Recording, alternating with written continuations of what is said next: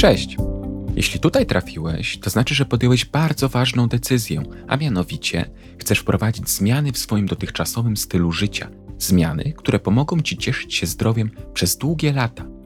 W moich nagraniach postaram się przybliżyć Ci i wyjaśnić zagadnienia związane z treningiem w siłowni oraz właściwym odżywianiem, tak aby łatwiej było Ci się odnaleźć w nie tak skomplikowanym świecie zdrowego trybu życia – Nazywam się Bartosz Terka, jestem trenerem personalnym i doradcą żywieniowym, chociaż sam siebie określam bardziej jako specjalista do spraw zdrowego stylu życia. A to jest mój podcast o treningu i żywieniu inaczej.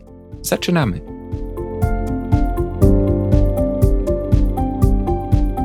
Zdecydowałem się nagrać ten odcinek jako zbiór elementów, na które koniecznie powinieneś zwrócić uwagę w trakcie swojego treningu – Dlaczego uważam, że są one istotne? Ponieważ zastosowanie ich wszystkich pozwoli Ci zdobyć większą kontrolę nad wykonywanymi ćwiczeniami, pozwoli Ci też poprawić technikę każdego ćwiczenia, uniknąć niepotrzebnych urazów i kontuzji, a także osiągnąć lepsze wyniki siłowe, ale też szybsze rezultaty sylwetkowe. Dzisiejsza lista jest moim subiektywnym wyborem, popartym latami praktyki własnej, jak i obserwacji moich podopiecznych – na wstępie zaznaczam, że nie chcę, abyś traktował tego jako jedyną właściwą prawdę objawioną, a po prostu jako narzędzie, które może pomóc ci przybliżyć się do wymarzonego celu. Zaczynamy. Punkt pierwszy rozgrzewka. Na wstępie powiem, że tematyce rozgrzewki poświęcę osobny odcinek, ponieważ jest to tak obszerne zagadnienie, że wymaga poświęcenia mu zdecydowanie większej ilości czasu. Tutaj powiem tylko, że rozgrzewka ma istotne znaczenie dla przygotowania Twojego ciała do wysiłku. W przypadku treningu siłowego wdraża ona Twój układ nerwowy do dźwigania ciężkich kilogramów. Ma ona także kluczowe znaczenie w przygotowaniu mięśni i stawów do obciążenia, z jakim będą sobie musiały radzić w trakcie ćwiczeń. Nie muszę chyba przypominać, że jest to absolutnie niezbędne w perspektywie uniknięcia urazów i ciężkich kontuzji. Punkt drugi serie wstępne. Można powiedzieć, że są one elementem rozgrzewki. Oznacza to, że ich głównym zadaniem jest przygotowanie danej grupy mięśniowej do wysiłku, jakiemu zostanie ona poddana. Jednak serie wstępne mają również jeszcze jedną bardzo ważną zaletę – Pozwalają one opanować wzorzec ruchowy, który będzie wykorzystywany w danym ćwiczeniu. Dają one nie tylko przygotowanie fizyczne poprzez rozgrzanie stawów i mięśni, ale również dają wstępny bodziec układowi nerwowemu. Taki sygnał, że zaraz będzie wykonywana ciężka praca, co może mieć przełożenie na Twoje przygotowanie mentalne. Dlaczego? Ponieważ nie zabierasz się ze strachem w oczach od razu za maksymalne ciężary, tylko powoli przygotowujesz się do wykonania swojej serii roboczej z właściwym ciężarem. Zobrazuję to sytuacją, żeby było prościej. Na pewno nie raz, kiedy widziałeś, że na treningu będziesz wykonywać przysiady z ciężarem przykład 100 kg, to w Twojej głowie pojawiały się obawy, strach, że może się nie uda, że może to zbyt duży ciężar. Jednak kiedy przed serią właściwą zrobiłeś powiedzmy trzy serie z obciążeniem przykład 60 kg, 75 i 90, to te serie właściwe z ciężarem 100 kg wcale nie wydawały się już takie ciężkie. To jest właśnie to przygotowanie mentalne, które może pomóc Ci zmierzyć się z ciężarami, które pierwotnie wydawały się zbyt trudne do pokonania. W końcu wszystko jest w naszej głowie, a sukces zależy od odpowiedniego nastawienia. Punkt trzeci prawidłowa technika i wzorzec ruchowy. Ufam, że nie muszę wyjaśniać tego punktu. Nawet nie słuchając pozostałych odcinków mojego podcastu, dobrze wiesz, że prawidłowa technika wykonywanych ćwiczeń jest kluczowa nie tylko gwarantuje ona odpowiednią stymulację mięśnia, czyli pobudzenie go do wzrostu, ale przede wszystkim zapobiega powstawaniu urazów i kontuzji. Zła technika ćwiczenia, realizowana przez długi czas, może się przyczynić do powstawania dysproporcji i dysbalansów strukturalnych w Twoim ciele.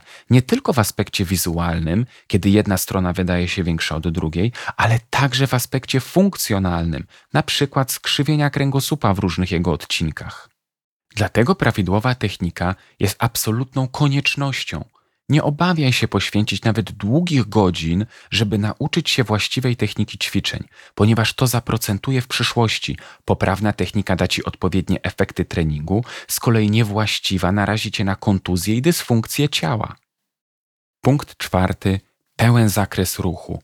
Na wstępie zaznaczę, pełen zakres ruchu dla każdej osoby może oznaczać co innego. Nie ma jednego właściwego zakresu ruchu w danym ćwiczeniu, który powinien być stosowany przez każdą ćwiczącą osobę. Oczywiście są pewne elementy w każdym wzorcu ruchowym, można powiedzieć w cudzysłowie podręcznikowe elementy, które powinny być zastosowane w danym ruchu, aby był on bezpieczny dla naszego ciała.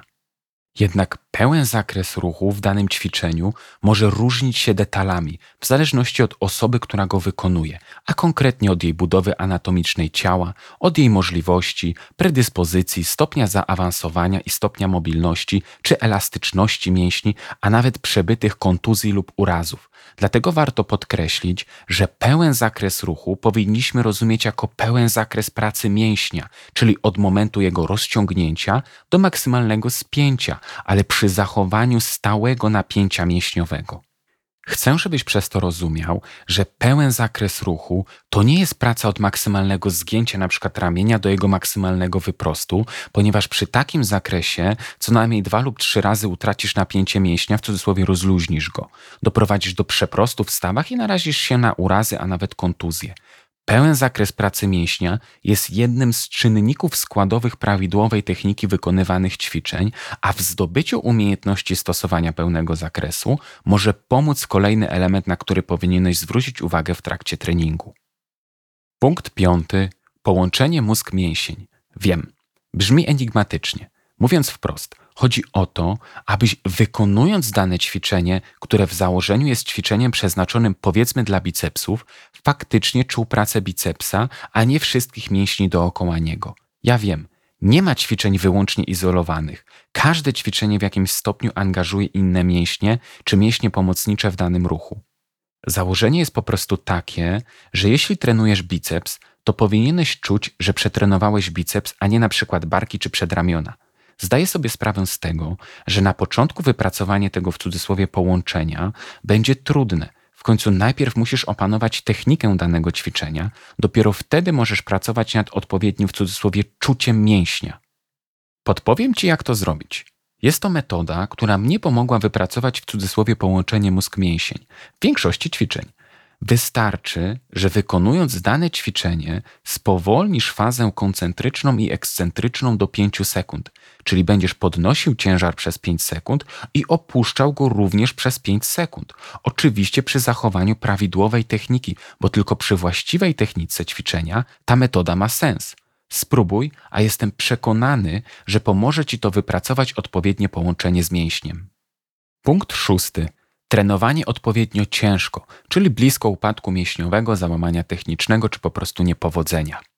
W mojej opinii jest to drugi co do ważności element, zaraz po w cudzysłowie połączeniu mózg-mięsień, wpływający na szybkość i jakość osiąganych efektów. Dlaczego? Sprawa jest prosta – aby mięsień się rozrastał, potrzebuje do tego odpowiedniej pracy i bodźców.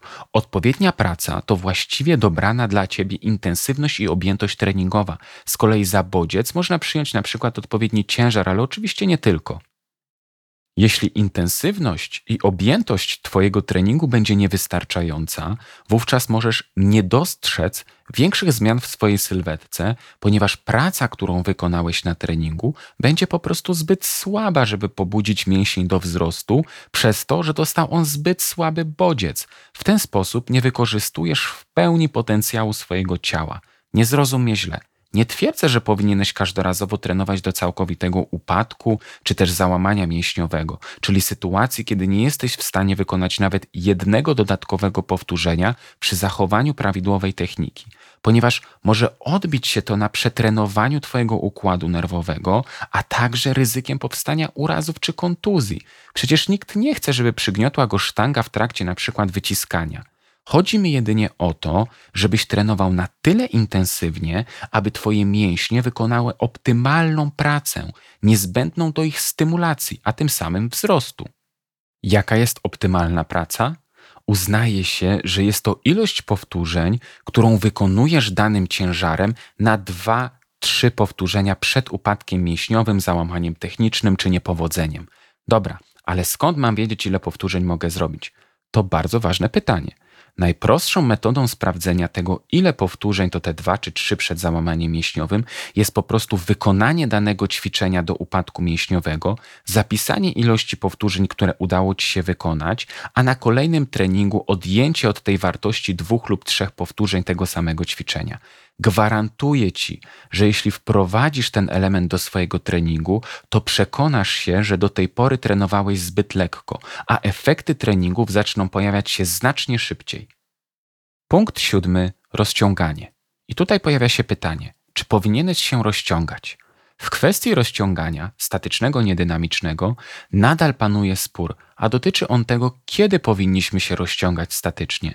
Jedna z teorii mówi, że powinno być to wykonywane zaraz po treningu, inna, że rozciąganie statyczne powinno być traktowane jako osobna jednostka treningowa. Zwolennicy pierwszej teorii twierdzą, że moment po treningu jest najlepszy na rozciąganie, ponieważ mięśnie są już rozgrzane. W tym przypadku rozciągamy mięśnie, które były ćwiczone na danym treningu. Z kolei zwolennicy rozciągania jako osobnej sesji treningowej twierdzą, że rozciąganie włókien mięśniowych, które już w trakcie treningu zostały osłabione poprzez lekkie, w cudzysłowie, rozerwanie i powstanie mikrourazów, może prowadzić do osłabienia mięśni. Mówi się, że rozciąganie samo w sobie daje szereg korzyści. Zwiększa mobilność stawów i przyczepów mięśniowych, wpływa na elastyczność mięśni, a stosowane po treningu może mieć wpływ na wyciszenie organizmu, na przyspieszenie procesu regeneracji, a nawet na zmniejszenie stanu opóźnionej bolesności mięśni, czyli tzw. Tak zakwasów. Ile jest w tym prawdy i która teoria jest właściwa, tego pewnie nie wie nikt. Kolejne badania przeprowadzone w tej kwestii wzajemnie się wykluczają, jak to zresztą ma miejsce zazwyczaj z badaniami.